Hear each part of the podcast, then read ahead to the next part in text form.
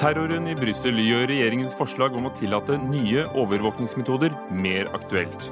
Men med mer overvåkning, det er ikke det som hindrer terror, mener Odd Einar Dørum. Han var justisminister da bombene smalt i både Madrid og London. Dobbeltmoral av Miljøpartiet De Grønne kjøre SUV, ta fly og drosje, mener Fremskrittspartiets Ungdom. Skal grønne politikere kjøre hest og kjerre, spør Nettavisens redaktør Gunnar Stavrum. USAs president Barack Obama landet i Argentina i dag med både handelsavtale og frigitt etterretning fra tiden med diktatur i kofferten. Argentinas nye president handler raskt for å melde landet på i verdensøkonomien. Ikke reduser SV til en bamseklubb for småbarnsforeldre, oppfordrer skribent. Hun ser ikke poenget med at SV skal hevde seg som et familieparti. Vi er stolte av å legge til rette for familiepolitikken, sier SV selv.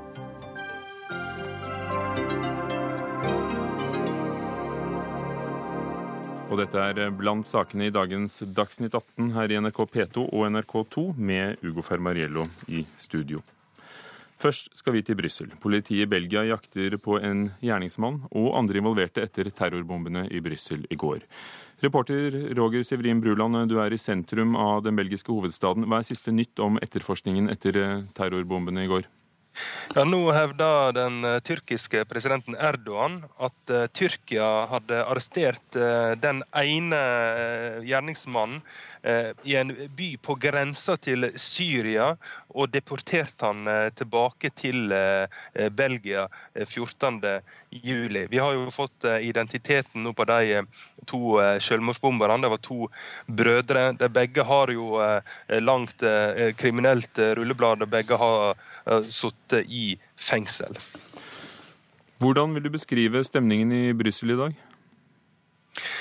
Ja, det er jo absolutt en uh, spesiell eh, stemning. Uh, og det er jo veldig mange ubesvarte spørsmål. Uh, nå viste det seg at i dag så var det en tredel av alle sjåførene i, i, for offentlig transport det holdt seg hjemme for de var redde for å møte på jobb. Og Det var derfor en ikke klarte å ha, ha, full kapasitet på, på offentlig transport transport i dag. Og Nå eh, sier belgisk media at eh, metroen vil stenge pga. dette eh, klokka sju i kveld. Så det er store køer utenfor togstasjonene, pendlere som skal hjem igjen. Og, og Myndighetene og politiet er redde for at eh, det skal bli sånne terrormål, slik at de ber folk om å holde litt igjen og vente med å fare hjem igjen, eh, slik at en ikke får store folkeansamlinger i sentrum. Så det er jo eh, terrorfrykta som eh, rår. og Det er jo fortsatt på eh, nivå fire her i hele eh, Belgia, så det er jo alvorlig. Så det er rett og slett at, at sjåfører og, og trikkeførerne er, er, redde selv, ikke det at de har stengt metroen, altså? Ja, det, det er det som belgisk media skriver, at en, en har faktisk kvia seg for å gå på jobb i dag. Hvordan arbeider politiet nå? Ja, Politiet har jo gjort en veldig eh, grundig eh, jobb i den der leiligheten i Skjarbekk. Vi var jo der oppe eh, og snakka med litt naboer i det bygningen der disse her bombene skal ha blitt bygd. Og Der sa jo han ene, en nabo jeg snakket med fra Portugal at han hadde bare fått beskjed om å bli i leiligheten, han måtte bare sitte der og vente. De ante absolutt ingenting om det som foregikk der. Det kom som en kjempestor eh, overraskelse. Vi snakka også med flere andre naboer som sa at det var egentlig ingen som kjente til disse eh, folka der. Så det viste seg at det var en slags midlertidig leilighet da, for å bygge disse bombene som de da skulle, skulle eh, sprenge. Og så Det som eh, utløste det hele, ble jo ifølge et testamente som ble funnet i en laptop på ei bossbøtte i den der gata at eh, de var redde for at han Saleh Abdesalam, som ble eh, arrestert nå på torsdag, at han ville avsløre dem i avhør. og Derfor så måtte de handle raskt. og Derfor så arbeider politiet opp mot en, te mot en teori at det her var en veldig sånn hastverksaksjon, eh, og kanskje ikke det egentlige målet de jobber opp mot. Det er også litt forvirring rundt hvor mange som er på frifot. Tidligere i dag så var det jo snakk om tre. Men nå tror jeg kanskje han ene som var avbilda, kan være han som har laga de bombene, og han var avbilda på flyplassen. Og at han hadde bare trukket seg. Han hadde bare ikke avløst bomba, men han hadde bare trukket seg fra hele, hele, aksjonen. Men her er veldig mye usikker informasjon så, og, og, litt motstridende informasjon. Men det siste nå er at det er rundt det, det er to eller tre på frifot, eh, for en har ikke helt fått etablert identiteten på de personene og gjerningspersonene en har sett på overvåkningskamera. Og nå vil de vel følge opp dette sporet, eller denne kunnskapen fra Tyrkia. Hva vil de gjøre, tror du, med, med kritikken som er kommet mot, eh, mot, Belgia, som er blitt anklaget av flere for ikke ha, ha, ha nok eh, kontroll med, med mistenkte? Det her er veldig interessant, for det at på torsdag så var jo eh, belgiske politiet de store heltene. De klarte å ta han Saleh Abdesalam levende. Eh, skulle han inn til avhør. Nå har det virkelig Belgia stått opp og, og tatt sitt ansvar i antiterrorarbeidet. Og så kommer disse her eh, terroraksjonene, og så kommer den her kritikken eh, tilbake igjen. Jeg snakker jo med disse store journalistene som er politisk kommentator her, eh, her i Brussel.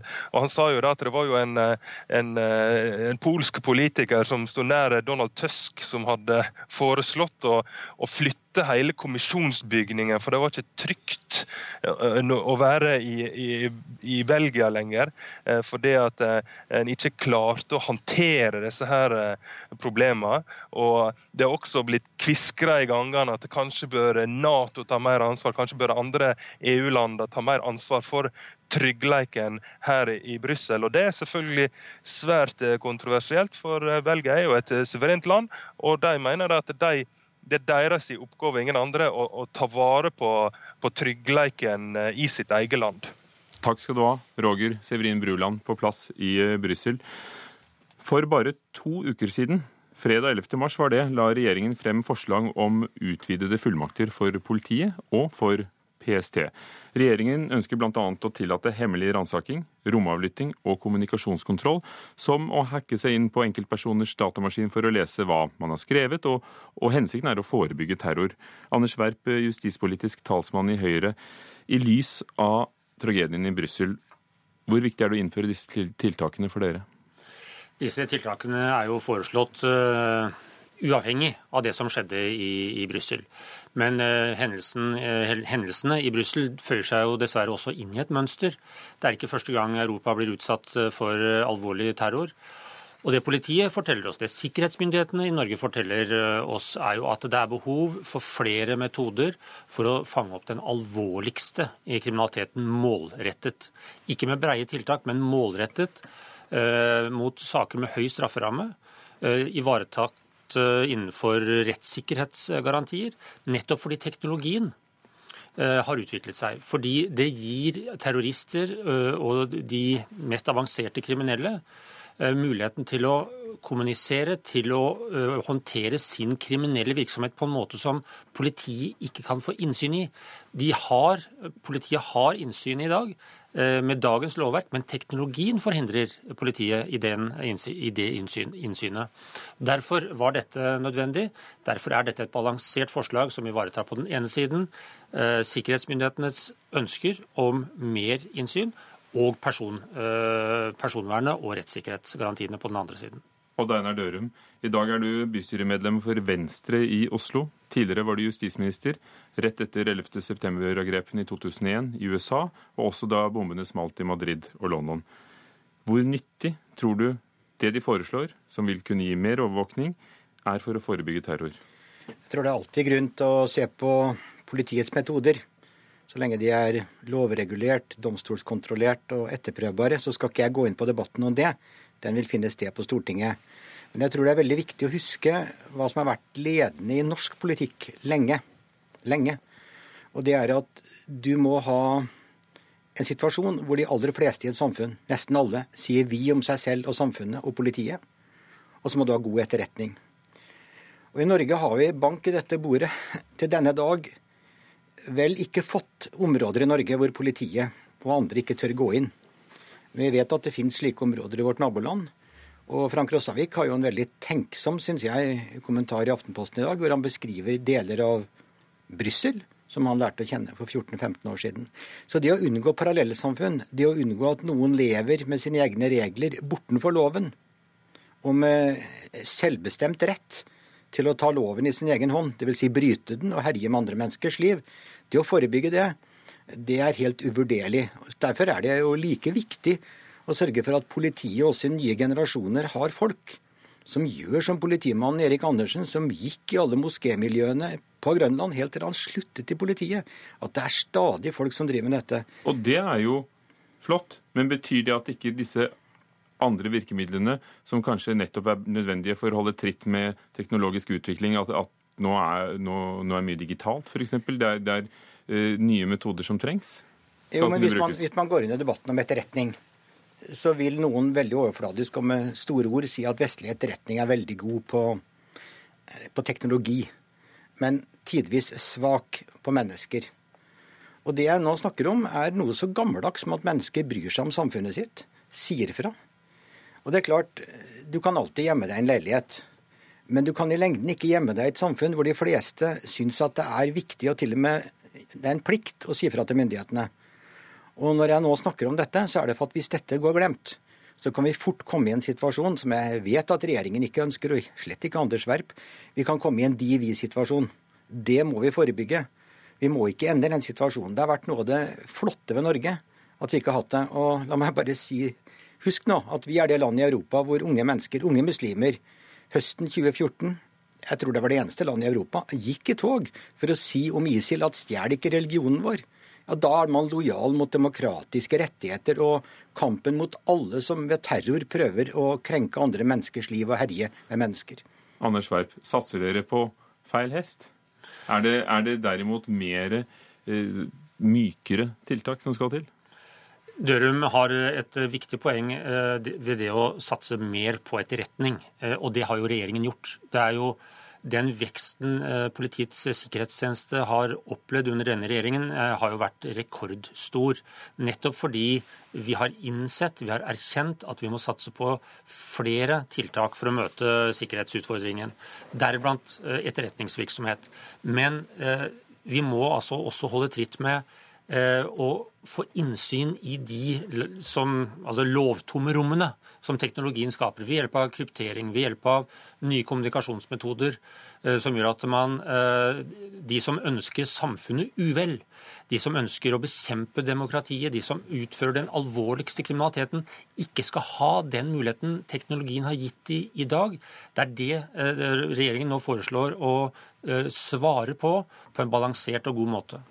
Du var jo selv med på å innføre ja, videre fullmakter Eh, ja, nei, stopp nå her. Vi fikk et forslag om fullmakter i 2004 som ga forslag om å gi politiet fullmaktene. Det tenkte vi på et år. Så fikk politiet aldri fullmaktene. Man fikk rett på lovens grunn ved å gå til en dommer, være avhengig av høyere påtalemyndighet, en rettssikkerhetsgaranti. Og så fikk man i noen spesielle situasjoner lov til å handle raskt i alt Politiets sikkerhetstjeneste. Altså fikk de videre fullmakter? Ja, de fikk det, men jeg gjentar lovregulert, etterprøvbart, domstolskontrollert. Og for meg går grensen akkurat nå med regjeringens forslag. Så går det når du skal hacke deg inn i en datamaskin og se på noe annet enn en sendt eller mottatt mail. Men når jeg ikke vil at debatten skal være om dette nå, for den kommer senere, så er det fordi at det å tenke på den sosiale virkelighet, hvor mennesker er venner av et samfunn, det er avgjørende for at samfunnet skal være trygt, kan kunne leve på en sånn måte at terroristen ikke tar knekken på det samfunnet vi vil ha. Og så hører vi den lille radiosendingen vi hadde i sted, at etterretningsorganer ikke snakker sammen. Ikke vi hører at den tyrkiske statsministeren sier at tyrkerne visste. Og så sitter jeg og undrer på, med den kunnskapen jeg har om etterretning, at jeg vet jo at noen tjenester PST snakker med nære tjenester i den vestlige verden, men noen tjenester snakker ikke nok sammen. Og det er klart at når du ikke gjør det, så kan du gå glipp av informasjon. Du kan til og med i verste fall sørge for at informasjonen ikke når de som skal handle. Så tror jeg nok at på Brussel skal vi være ettertenksomme og ta med oss alt det som kommer for en dag. Og jeg syns ikke at noen skal gjøre som man har gjort i noen land i Europa, sette seg på sin høye hest og begynne å fortelle hvordan Belgia egentlig er. De har nok med sorgen og lidelsen akkurat nå. Anders Werp, har dere nådd den grensen, og at det heller er nettopp mer samarbeid og eh, sørge for at samfunnet blir et ikke vi-dem-samfunn, men et vi-vi-samfunn? Dette er et både og, eh, ikke et enten-eller. Eh, men har dere nådd grensen for, for, eh, de sikringsmekanismene som sikrer at det, at det er en rettsstat verdig, som og den er Dørum. Det vi må hele tiden eh, sikre oss, eh, det er at når vi snakker om nye politimetoder, nye overvåkningsmetoder, så må det balanseres av at vi styrker personvernet og rettssikkerhetsgarantiene. Dette tror jeg ikke er snakk om ett punkt på en skala. Det er snakk om tiltak som må balanseres opp mot hverandre, og det gjør regjeringen. Personvernet er grundig drøftet i den proposisjonen som nå ligger på bordet. Og så må vi også huske på en annen ting.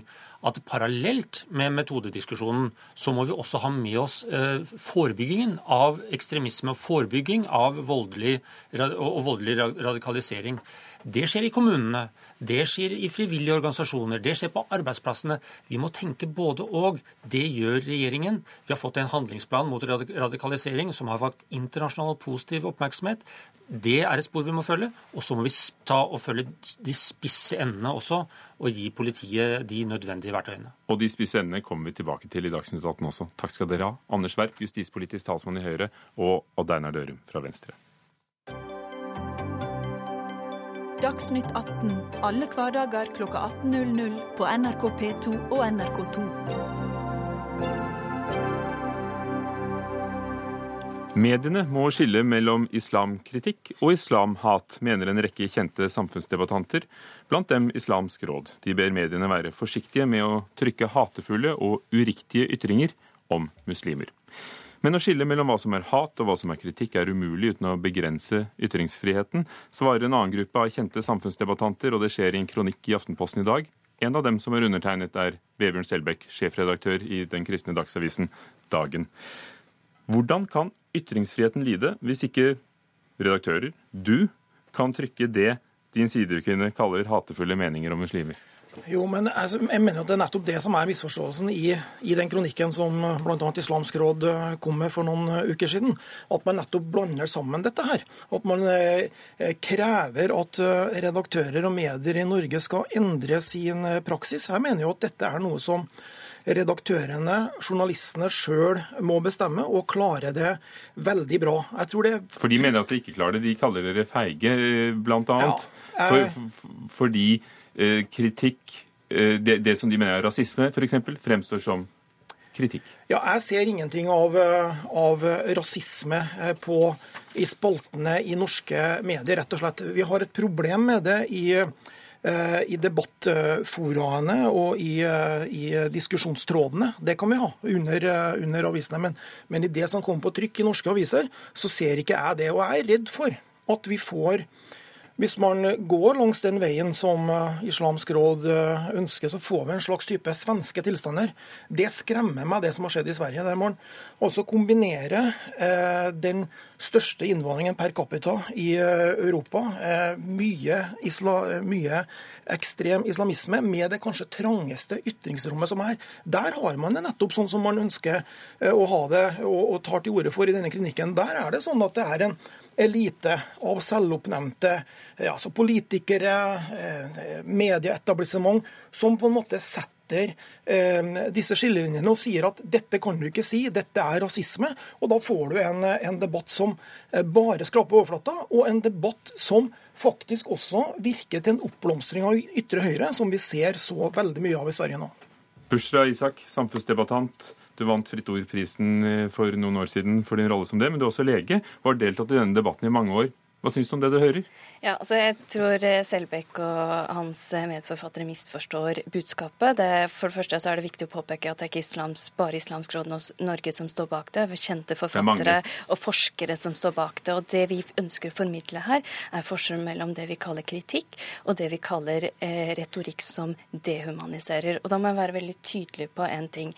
Med, saklig, eh, saklig, med kritikk så snakker vi om en saklig argumentasjon som har hensikt å fremheve noe. Med dehumanisering så snakker vi om generaliseringer som fiendtliggjør eh, mennesker. Og da er det utrolig viktig for oss å påpeke at kritikk er kjempeviktig. Religionskritikk er veldig nødvendig. Særlig... For det er ikke bare muslimer som skriver ja, denne kronikken? Ja, og vi mener at i den tiden vi er i nå, så må vi understreke det. At religionskritikk er kjempeviktig både for demokratiet og for menneskene som følger religionen. Så må jeg få lov til å si at vi oppfordrer til kritikk, særlig i forhold til den situasjonen vi er i nå, at vi må utfordre, vi må kritisere og fordømme f.eks. For de miljøene som sto bak terrorangrepet i Brussel. Eh, og så må vi på en måte eh, kunne ansvarliggjøre eh, miljøene for å avkle terroristene ideologisk og teologisk, og det tar vi som mainstream-muslimer et felles ansvar for. Så Der mener jeg at Selbekk prøver å forvrenge egentlig budskapet vårt, og beskylder oss for at vi ikke ønsker kritikk. Nei, men altså, uansett hvordan du snur og vender på tror jeg, så, så, er det sånn at det, det er utspillet, hvis man, eh, hvis man skulle følge den oppskriften og det kravet som dere stiller til eh, redaksjonene i Norge der, så vil det eh, bety et innskrenket ytringsrom i Norge. Nei, det er helt det er, jo, men det er jo, ikke, det, er ikke, det er jo, ikke, for å få flere ytringer at dere sier at nå skal, vi, nå skal man, eh, nå, nå, må mediene innskjerpe dette. her. Det, er jo, det vil jo ramme ytringer. Og er det noe vi trenger i dag, så er det ikke et innskrenket ytringsrom. Vi trenger et bredere ytringsrom. Altså Når vi ser denne terroren nå som vi ser eh, ja, ukentlig rundt omkring i verden, så trengs det en grunnleggende, fordomsfri, ærlig debatt om hva det er som skaper dette hatet som bobler og koker i deler av denne religionen. Har du eksempel på når det er for bredt, ifølge dere? Eh, dere nevner jo en del konkrete ja, altså, eksempler er, på, på altså, når, når, dere mener at mediene legitimerer det dere kaller hat? Altså, Jeg tror vi er ganske enige, hvis du, sier, hvis du, virkelig står for det du sier. For det vi ønsker er en saklig, bred samtale. Det, det, vi ønsker å påpeke, er at det er forskjell mellom å kalle muslimer for viruser, kakerlakker, og at alle muslimer er terrorister til forskjell for en saklig kritikk om at islam Er det et stort problem i mediene i dag? La, la, meg fullføre. Det er forskjell mellom å kalle muslimer for kakerlakker og viruser, og si, på en annen eh, side si at islam er en undertrykkende religion. Den forskjellen er utrolig viktig. For den første, første eksempelet, den dehumaniserer folk, og det skaper distanse i samfunnet. Og så må jeg få lov til å svare på det du sa om ytringsfrihet. For vi som står bak det oppropet, vi forfekter Grunnlovens definisjon av ytringsfrihet ytringsfriheten, som gir rom for både kritikk, krenkelser og provoserende ytringer. Men vi mener, og Der går en grense i forhold til hatefulle ytringer. og Det er det vi ønsker at eh, redaktører og alle som deltar i den offentlige debatten, er klar over den grensegangen hvor man begynner å fiendtliggjøre og dehumanisere mennesker. er dere bare uenige om hvor den grensen går? Nei, men, men, men, det som dere gjør i den kronikken, og som jeg syns er eh, veldig problematisk, det er at dere snakker om om islamhat. Bruker dere som et, mm. som et uttrykk. Og, og, og, man har også dette uttrykket islamofobi og en del av disse tingene som blander sammen kritikk av en religion, kritikk av en ideologi, med hatet mot mennesker. Hat mot mennesker, det skal vi alltid ta avstand fra. Religioner, ideologier, de kan utsettes og bør utsettes for eh, provokasjoner, for eh, ærlig debatt. Eh, og, og, og eh, for eksempel, jeg, jeg, opple jeg, er jo en, en kristen. Eh, og, og, den kristne tro betyr veldig mye for meg. Jeg har venner som, som på en måte tar sterk avstand fra kristen tro, som på en måte avskyr den troa jeg har. Men allikevel, jeg vil jo ikke drømme om at dem hater meg. Men de dette, eksemplene Busha Isak nevnte her, de som, som sto i kronikken, de er jo tatt fra reelle artikler og lesebrev. Kan det hende noen ganger at redaktører har gått for langt? Sluppet på trykk ting som, som ja, ikke har noe der å gjøre? Jeg har sett på de eksemplene som, eh, som uh, man nevner i denne kronikken. og det er klart at uh, Noe av dette må man stå sterk avstand fra. Karakteristikk av mennesker, dehumanisering av mennesker. Det må man ta sterk avstand fra. Er det vits å sette på trykk, da? Ja, Nei, nei men også, men også eh, rasisme skal vi se ned på. Noen av de eksemplene dere nevner der, er rasistiske, men dere blander det sammen. For midt i det, disse rasistiske ytringene som dere nevner der, så nevner dere også Hege Storhaug som en person som bør kalles for muslimhater. Det mener jeg er dypt urettferdig.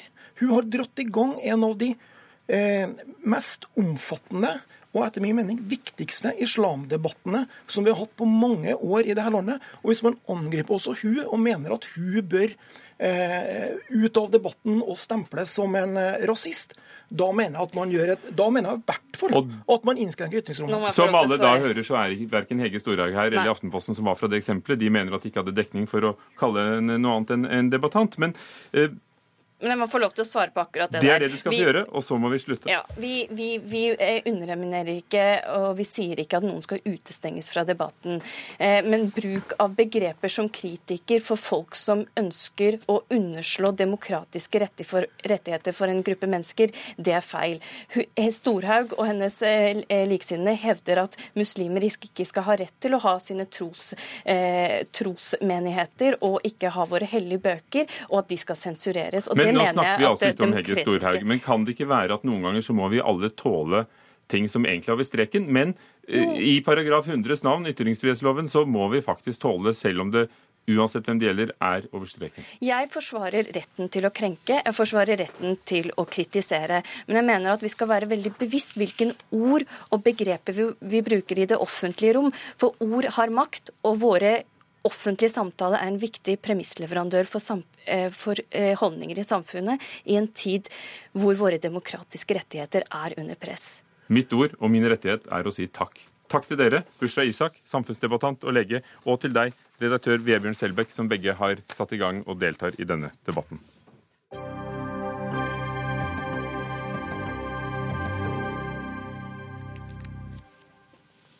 Nå skal eh, når skal Miljøpartiet De Grønne forstå seg på dobbeltmoral, spør Fremskrittspartiets ungdom på nettstedet Facebook, og legger ut et bilde av kjente miljøpartipolitikere som kjører SUV, velger fly i stedet for tog og tar drosje i Oslo sentrum. Dette mener du er usaklig. Sjefredaktør Gunnar Stavrum i Nettavisen og harselerer over harselasen. Det virker jo ellers ganske på sin plass å, å, å sette politikere på plass, gjør det ikke?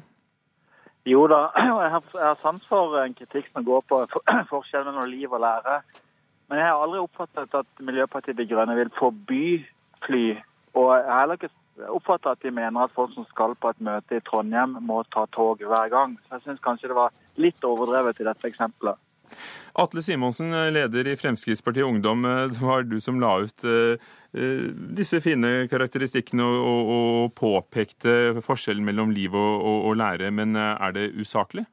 Nei, Jeg syns det er en litt morsom måte å få fram et eh, politisk poeng til 400 000 nordmenn som så dette bildet. Og jeg syns det er et problem med politikere som sier en ting, men som gjør noe helt annet. Og det er den type ting som sørger for at det faktisk er politikerforakt i Norge. Det som jeg mener Miljøpartiet må forstå, det er at folk forurenser ikke fordi de syns det er gøy. De forurenser fordi at de er nødt til å få hverdagen sin til å gå opp. Eh, og Det gjelder folk flest. Det gjelder òg eh, Miljøpartiet sine egne politikere. Altså For min del så må de bare fly så mye de vil og kjøre så mye SUV de vil. Men da kan de ikke forvente at alle andre skal endre atferd, mens de sjøl viser at de sjøl er så viktige at de skal slippe å endre atferd sjøl. Anna Kvam, talsperson i Grønn Ungdom. Hvordan, hvordan kom du hit i dag? Hva sa du? Hvordan kom du hit?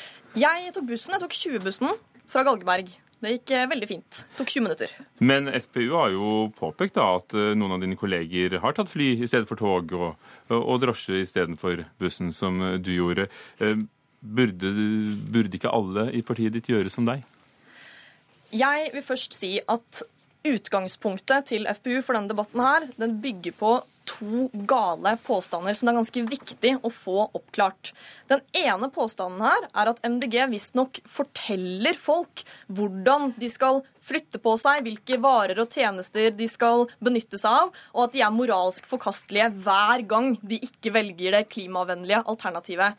Dette er det ingen i MDG som har fortalt folk. Vi er i politikken for å skape løsninger som skal gjøre det enkelt og billig for folk nettopp å velge det mest miljøvennlige. Sånn er det ikke nå. Og Derfor vil vi endre en del av den politikken som gjør det attraktivt for folk å velge fly istedenfor tog, og velge langreist mat istedenfor kortreist mat, f.eks.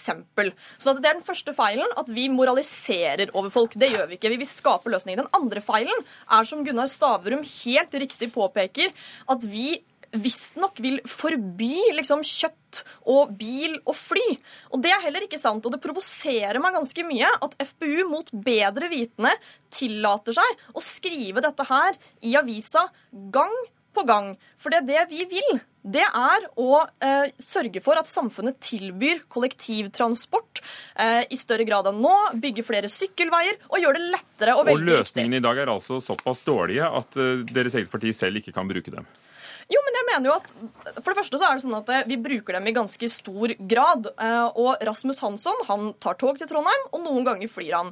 Men jeg mener jo at det er bedre å ha politikere på Stortinget som faktisk jobber for å skape de klimavennlige løsningene, og noen ganger ta fly, enn at Stortinget er fylt av Frp-representanter som driter i klima. Gunnar Stavrum, som garvet pressemann og nå sjefredaktør, er det ikke bare egentlig litt uh, litt snurt for at Atle Simonsen uh, tok det som kunne vært en ganske morsom artikkel for dere også?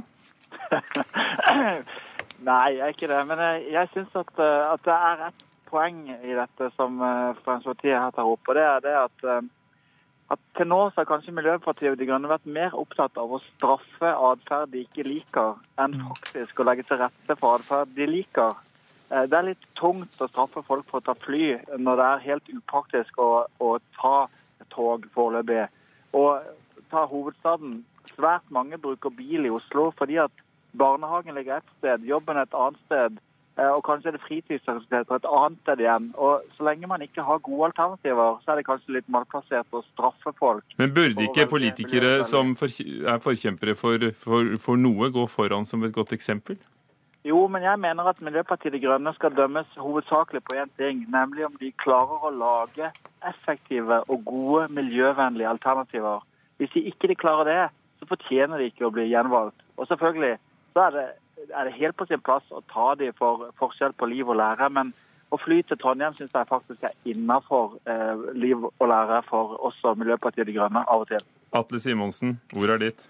Ja, jeg, jeg kjørte elbil opp her, da, hvis, hvis det hjelper noen på samvittigheten. sant? Eh, jeg, jeg, mener fremdeles at poenget står, at det, det, det, politikere bør ikke si én ting og gjøre en annen ting. Og, og Poenget her er at Miljøpartiet er jo ikke et hvilket som helst parti. De sa jo etter de fikk makta i Oslo at de er ikke her for å puse med folk, de er her for å redde verden. Eh, og når de på det ene sida sier at hvis vi ikke endrer atferd nå, hvis vi ikke gjør noe, så, så, går verden under. Altså hvis vi ikke kutter våre egne CO2-utslipp. Og da går det ikke an å samtidig si at eh, jo da, jeg skal ta tog, jeg, men jeg venter til lyntog kommer om ti år, eller kanskje aldri. Eh, og når man er den, kanskje Rasmus Hansson, som er kanskje den største motstander mot hele flybransjen i Norge, så mener jeg faktisk det er noe som, som forplikter. Eh, men det store poenget her er jo at, eh, at de, de, de, viser at når de får makt, og når det kommer til alt, så klarer de ikke å følge opp sine egne gode idealer som de mener at alle andre skal gjennomføre med, med seg sjøl. Og jeg syns det er helt i orden, for jeg forventer ikke at de skal klare det. Men da kan de ikke heller stå der som Norges største pekefingerparti og si at alle andre er nødt til å endre atferd, for det er veldig vanskelig. og Folk forhåndser ikke fordi det er gøy, men fordi men her, de skal til barnehage osv. Atle Simonsen, her kommer jo den gale påstanden igjen. At vi moraliserer over folk og hever pekefingeren. For det gjør vi ikke. Vi er jo, jo. i polit... Nei, det gjør vi ikke. Det er du som påstår det. Det er du som lager en svertekampanje mot oss. Jeg kan også bruke tiden min her i dette studio på å si at det er dobbeltmoralsk av deg som er motstander av NRK-lisensen og delta i en lisensfinansiert debatt. Men det mener ikke jeg er god bruk av tid. Vi bør heller diskutere de reelle politiske forskjellene mellom våre partier. Nettopp fordi at vi forstår at folk velger klimafiendtlige innenfor de rammene vi har i dag. Fordi vi forstår at folk flyr istedenfor å ta toget. Forstår at folk spiser mye kjøtt når det er så billig. Så går vi inn i politikken for å skape bedre løsninger. Og da er jeg helt enig med Gunnar Stavrum på at det er det vi må måles på, om vi klarer å skape de løsningene. Og jeg tror at når folk ser resultatene av f.eks. bilfritt sentrum i Oslo, så kommer de til å synes at det er en god løsning. De kommer til å kjenne at lufta er bedre å puste i, og at det går fortere å få flere folk til jobb på den tida. Jeg er ikke noe redd for å sette ut i livet den politikken vi er her for, men jeg mener heller ikke at det er noen dobbeltmoral i at vi som politikere politikere også opererer innenfor det systemet som vi prøver å endre, og det gjør du også som politiker. Ja, poenget er at uh, god miljøpolitikk det handler ikke om å være mest mulig bekymra og plage folk. Og bare dette, folk. Dette eksempelet med, med bilfritt sentrum det skaper en hel haug med usikkerhet for de som bor innenfor Ring 1 i Oslo. Et annet tiltak som byrådet har kommet med, er jo dette med en egen miljøfartsgrense hvor alle er nødt til å kjøre seint til jobb, som er et type tiltak som gir null effekt, men som er med å plage folk. Men for ikke å gå inn på de enkelte tiltakene, Atle Simonsen, jeg overkjører ja. deg litt, for jeg har et spørsmål til deg. Ja. Eh, Frp er jo for private helseløsninger som del av helsevesenet. Er du noen gang blitt avbildet mens du benyttet deg av offentlig helsetjeneste f.eks.? Det må jo være fryktelig flaut? Nei, Vi har jo sagt vi ønsker en stykkprisfinansiering hvor hver enkelt kan få lov å velge hvor de skal opereres men at staten skal ta regningen. Så jeg er jo eh, førstemann til å ta og operere meg hvis de blir syke på et privat sykehus, hvis, hvis staten tar regningen. For det er det som er Fremskrittspartiet sin politikk, at folk skal få lov å velge sjøl. Eh, og vi står ikke der med pekefinger og sier at folk må oppføre seg på den ene eller andre måten, og det er derfor vi heller ikke har noe problem med at folk enten flyr eller kjører SUV eller kjører racerbil eller hva det måtte være. Men du, eh, Anna Kvam, sier også at det er folk som skal velge selv?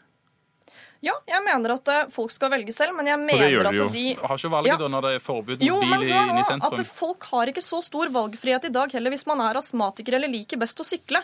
Det er ikke sånn at dere er det ultimate frihetspartiet og vi representerer motstykket. Vi må kompromisse, og vi velger å stå på siden med framtidige generasjoner og andre grupper enn privatbilistene i Oslo sentrum. Takk skal dere ha, alle sammen. Anna Kvam fra Miljøpartiet De Grønne, altså i Grønn Ungdom. Og Atle Simonsen, som leder Fremskrittspartiets Ungdom. Og Gunnar Stavrum, sjefredaktør i Nettavisen.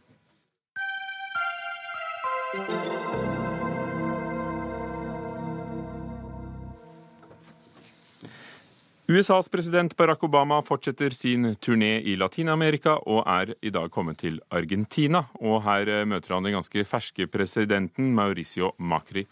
Jostein Leiro, Norges ambassadør til Argentina i Buenos Aires. Er dette inngangsbilletten for den nye presidenten Makri, ganske ny fortsatt, til, til verdenssamfunnet? Vel, Det oppfattes i alle, i alle, fall her som en um, viktig markering av at det legges merke til at den nye argentinske regjeringen så klart har sagt at den ønsker å åpne Argentina eh, for eh, internasjonalt samarbeid, og at eh, Argentina ønsker å spille en, en sterkere rolle internasjonalt. Så hører det òg med i bildet at ehm, ehm, president Obamas besøk denne uken det følger etter en lang rekke tidligere besøk dette året. I februar så hadde Argentina besøk av Italias statsminister Renzi, etterfulgt av Frankrikes president. Så har høy, høyrepresentanten for EU òg eh, vært her i begynnelsen av mars, og nå altså eh, Obama. Så det er, eh, det er en imponerende besøksrekke den nye regjeringen kan, kan vise til etter ca. tre måneder i, i posisjon. Hva har Obama med seg? Han har med seg en stor handelsdelegasjon. Ehm, det er eh, en, en ehm, prioritering fra Macri-regjeringen eh, i de første månedene eh, å søke å gjennomføre tiltak som kan bedre Argentinas anstrengte økonomi. Og Sentralt i planene for å få til det er økte investeringer ehm, og handel. Slik at det eh, som har vært et av de viktige temaene som har vært diskutert eh, i formiddag i møtet mellom Macri og Obama, er hvordan en kan få til, bidra til økt handel, økte investeringer, for å få eh, mer fart i argentinsk økonomi. For Argentina har jo hatt store problemer etter finanskrisen i, i 2001. Enorm statsgjeld. Der holder flokene på å løse seg ut. Det er bare en privat rettssak med noe fond i USA som pågår, men, men det statlige er snart, eh, snart tilbakelagt kapittel. Etter lang tid med et venstrestyre og, og Kirchner, Kirchner, som president, så kom det da ganske overraskende denne sentrum-høyre-presidentkandidaten Mauricio Macri som vant i fjor.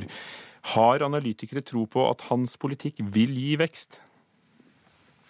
Ja, altså det som eh, økonomiske eksperter eh, peker på, er at de tiltakene som så langt er gjennomført, synes å være de riktige og vært gjennomført i, eh, i, riktig tempo. Så er det klart at uh, argentinsk økonomi og den nye regjeringen står overfor store utfordringer.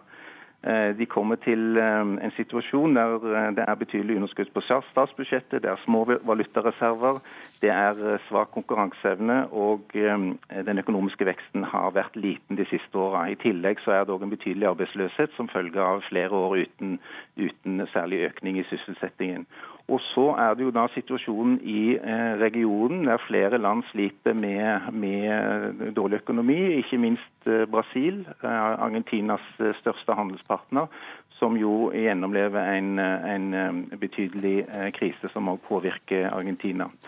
Så, så, så dette, er, dette, er, utfordrende. Med de, med de, grepene som er tatt, eh, virker det som det er eh, ganske bred enighet, enighet om blant økonomiske ekspertise om at eh, er det riktige. Og Så sier òg en ekspert at i tillegg til å gjøre de riktige grepene, så trenger en regjering òg en, en, porsjon hell for å lykkes i sin økonomiske politikk. For det handler jo ikke bare, bare om pengene. Eh, Barack Obama blir til i morgen. Det er altså 40-årsdagen for militærkuppet i 1976 som banet veien for militærjuntaen, ledet landet i, til 1983.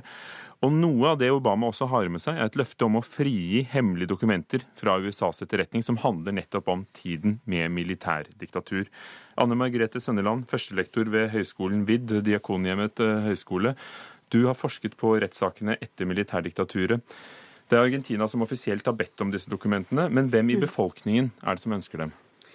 Um, I hvert fall de som har bedt om dem, er uh, organisasjoner som Bestemødrene på Maiplassen og en organisasjon som heter CELS, som også er en, en menneskerettighetsorganisasjon. Og som ønsker å få ut disse dokumentene nettopp for å få informasjon om hva som skjedde med de som om hva som skjedde med en del av de som, som fortsatt er tvungent forsvunne etter diktaturet. For under diktaturet offisielt sett så var det nesten 9000 som forsvant, men uh, uoffisielle tall fra menneskerettighetsorganisasjoner uh, er opptil 30 000. Og så er kanskje sannheten et sted midt imellom. Rettssakene i den siste runden har pågått i en tiårs tid. Hva betyr de for folk?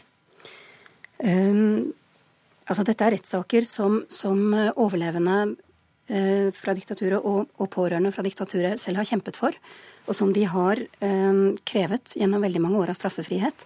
Fordi Argentina begynte like etter diktaturet først med en kommisjon som eh, så på tvungne forsvinninger under diktaturet. Og som fastslo at dette var en systematisk politikk eh, som hadde funnet sted under diktaturet. Ehm, og siden med en rettssak fulgt på så av mange år med straffefrihet fra 86-87 og fram til 2005. Så dette er rettssaker som pårørende og overlevende selv har altså kjempet frem og ønsket og, og krevet gjennom hele den tiden. Og det gjør at for mange av, av, de som selv ble rammet, så føles det at disse rettssakene nå finner sted, som en form for seier. Og kan disse papirene eh, som Obama skal få eh, USAs eh, etterretning og Forsvaret, og han skal jobbe da på tvers av statsadministrasjonen, for det har ikke skjedd før, selv om de har gitt dem noen. Hva kan de papirene bidra med?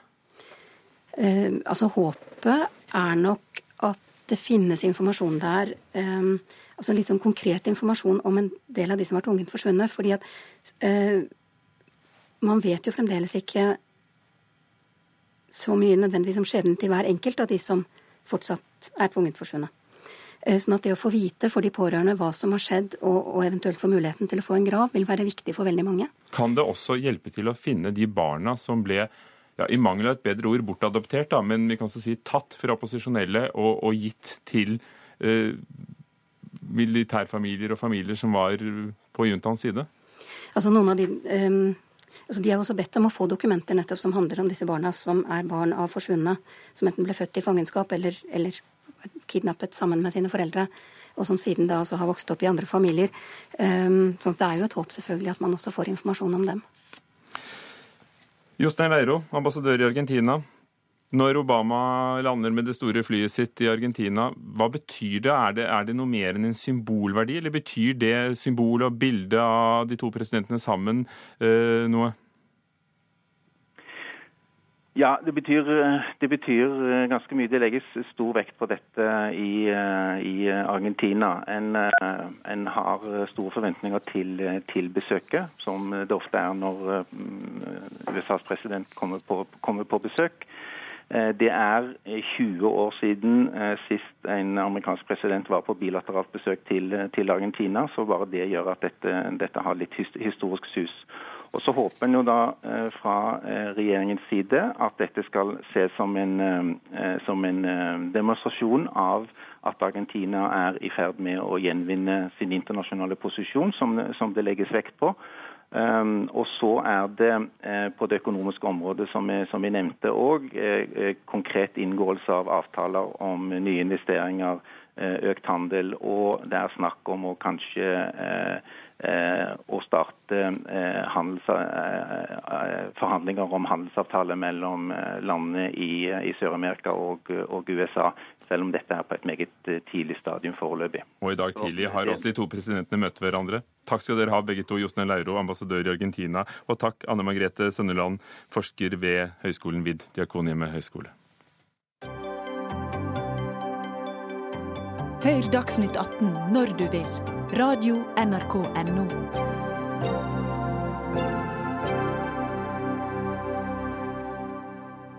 tusen faste uttrykk og vendinger er samlet i en bok. En murstein av en bok med undertittel 'Fra AKV til år ut og år inn'. Håkon Luthal, dette er ditt verk. Hva gjør din bok som ikke ordbøker allerede har gjort? Ja, La meg begynne svaret med å si at uh, min målsetting, eller det ble etter hvert formålet med boka, var å samle det meste av idiomatiske uttrykk, metaforer, faste fraser, store og små. Eh, og som du antyder, små ord som er bundet sammen fast, akk og ved, til år ut og år inn. Og forklare de grundig. Eh, som et samlet verk ordbøker. Og de har ikke vært gjort før? På denne Nei, måten? Aldri vært gjort før. Denne boka har aldri vært gjort før. Og eh, ordbøker er veldig bra, og har lært dem å kjenne veldig godt. ja, for dette, Du er jo ikke filolog, egentlig. Neida. Du er kjent som uh, 1500-talls ja. 1500-metersløper. Ja. Uh, oberst. Uh, vært direktør i, i, i næringslivet. Ja. Hvorfor denne interessen for ord og uttrykk? Nei, Det er en interesse jeg har hatt. Har og hatt. Og det ble bare mer og mer artig da jeg begynte å samle det i, i pensjonstiden min. Og så Du sa ordbøker. De, så jeg må få fullføre det svaret, fordi, fordi de er veldig bra. Det står der. Men det er vanskelig å finne. Og det er ikke så nøye forklart alltid. I boka her så er det jo systematisert som en samling. Jeg kaller det samlet og bearbeidet. Eh, og, og, så er det men, men, vet du hva, la oss gå konkret til verks. Ja, men vil ikke jeg lure deg opp i stry? Ja, ikke lure meg opp i stry. Men hva er stry?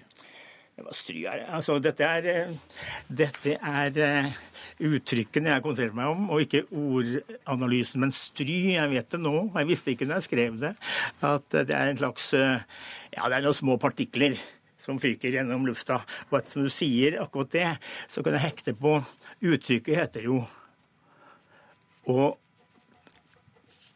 og, og, og narre noen opp i stry. Og det har jeg jo med, men det har jeg også med flere steder. F.eks. når jeg bruker det idiomatiske uttrykket 'å kaste noen blår i øynene' som betyr å narre og lure og forespeile noen noe, så har jeg også med å vise til andre uttrykk av eh, samme art, i samme gate. F.eks.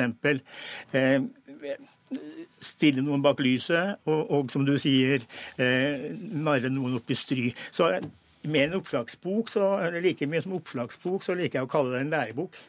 Fordi når du slår opp et sted, så finner du mange andre svar samtidig. Ja, For stry er jo da no, noen sånne isolasjonsmaterialer ja, fra gamle dager som, som, er vanskelig å komme, komme løs fra. Ja. Men du, um, er, det, er, det, også um, banning, f.eks.? Ja, det er banning. For banning er en viktig del av språket.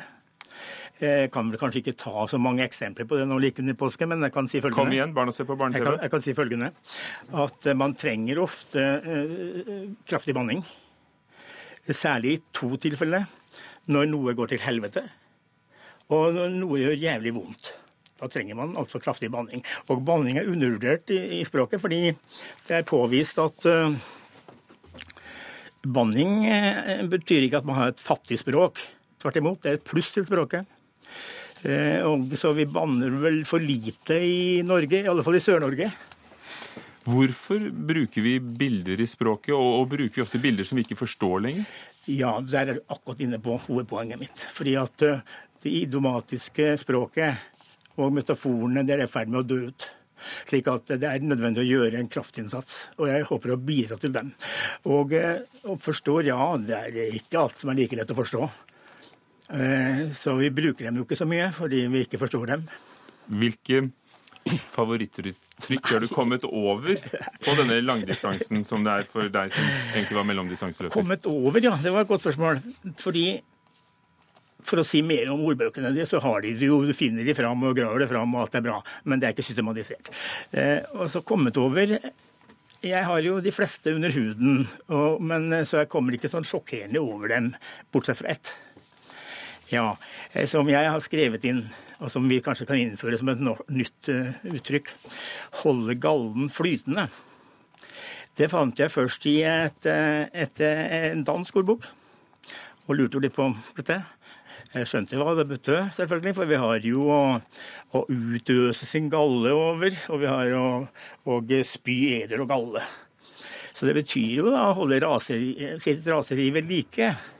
Og jeg var jo i tvil om jeg skulle ta med dette.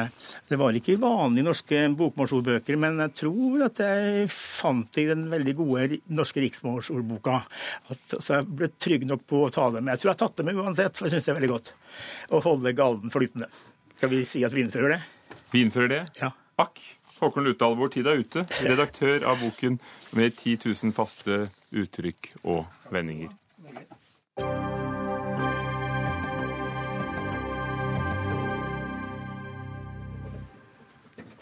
Ikke reduser SV til en bamseklubb for småbarnsforeldre. Det skrev skribent og kommunikasjonsrådgiver Guri Itzø Viken i Dagbladet i forrige uke. Innlegget kom etter at SVs Tidsklemmeutvalg kom med sine løsninger for å gjøre det lettere å kombinere arbeid med familie.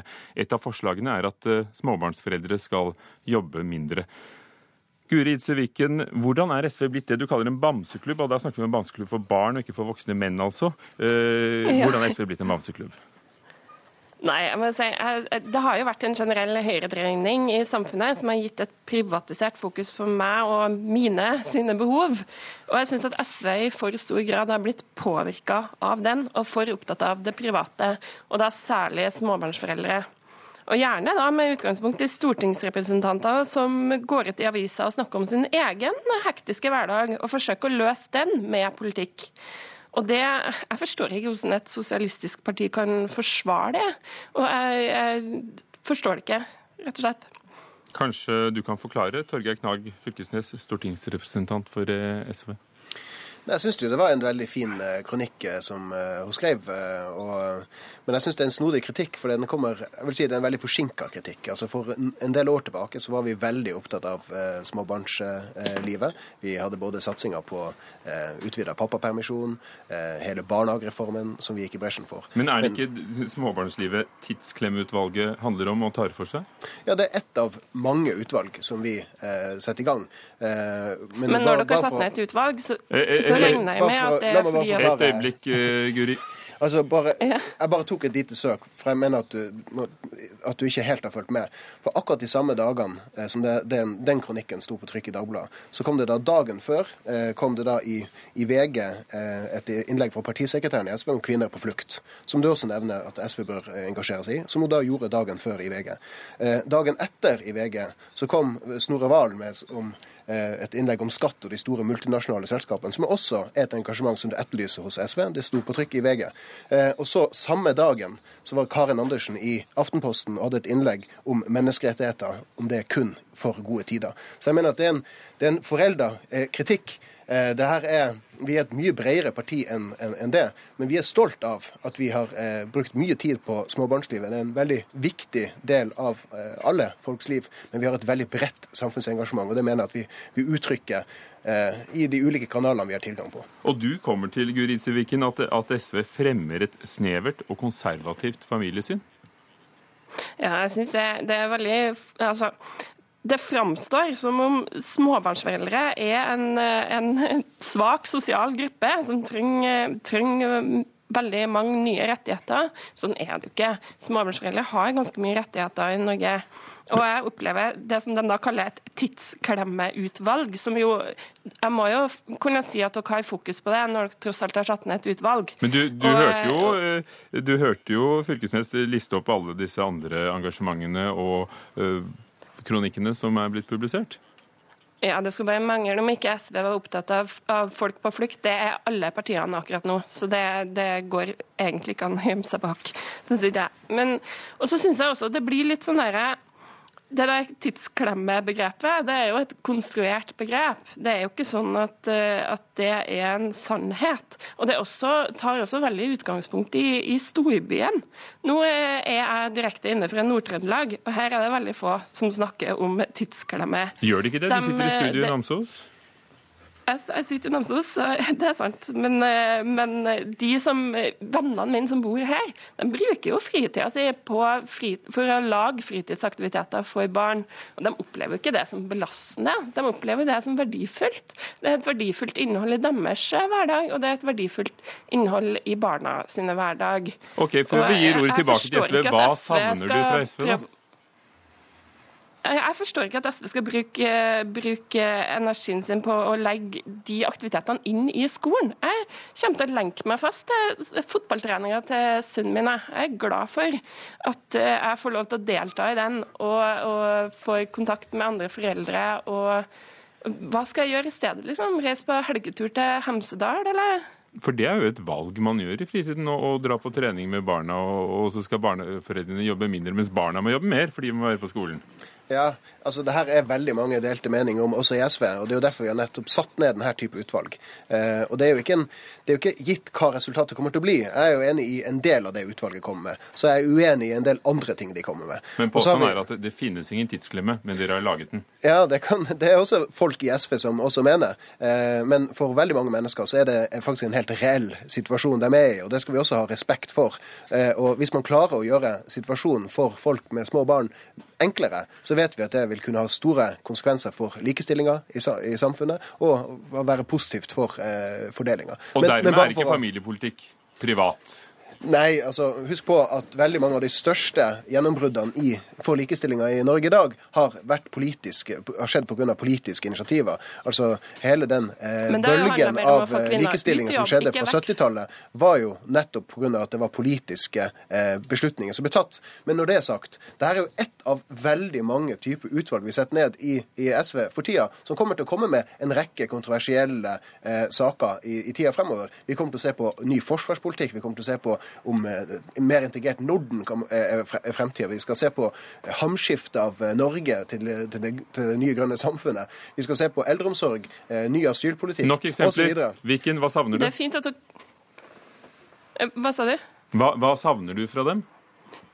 Jeg, jeg, savner at SV løfter blikket litt, og ikke, ikke, kommer med den type utspill som handler om den enkeltes familiesituasjon. Folk er småbarnsforeldre i en veldig kort periode, og, og de er ikke per definisjon en sosial gruppe. De, de har store lønnsforskjeller, de har store men, men du, det, det, har vi diskutert, det har vi diskutert, og nå, ja. nå dro altså Fylkesnes opp en mengde andre områder de lager politikk på i SV. Hvilke områder savner du? Er det nei til Nato fra din barndom? Nei, jeg, jeg, jeg savner mer eh, fokuset. Jeg, jeg er på andre ting. Jeg, skjønner at SV har politikk på mange forskjellige områder, det har alle partier. Så må man se hvor man legger fokuset hen. Og jeg syns fokuset har vært for mye på familiepolitikk de siste årene. For det er da også en privatsak å få barn, og hvordan vi bruker tiden med dem? Absolutt. Og det er, ingen, eh, det er ingen rett å få barn, det er et valg du gjør, eh, osv. Eh, bare ta med, jeg er småbarnsfar, men jeg er ikke så spesielt opptatt av å gjøre noe med tidsklemma. Der kan jeg være helt enig med, med, med deg. Det jeg er opptatt av, det er fiskeripolitikk. Hvordan man kan skape en fiskeripolitikk som skal komme kysten til gode, og ikke bare de store trålaktørene til gode. Jeg er opptatt av hvordan vi skal klare å ta det store steget inn i, i norske, altså for det norske næringslivet. Hvordan vi kan skape ny industri som ikke Eh, tar utgangspunkt i eh, petronæringa osv.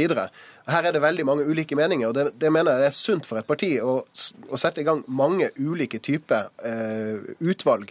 Ting som folk er opptatt av. Eh, selv om man kan være uenig i akkurat det utvalget, eller konklusjonene de kommer frem til, så er det, det, det er en del av prosessen. Og så skal alt dette lande når vi kommer til landsmøtet neste år. Og, eh, så da håper jeg bare at du kan hive deg med i prosessen. Eh, jeg tror sånne som det kan vi ha godt av eh, i partiet. Ja, men det er godt. Tror du du får se de store linjene, Guri Idseviken?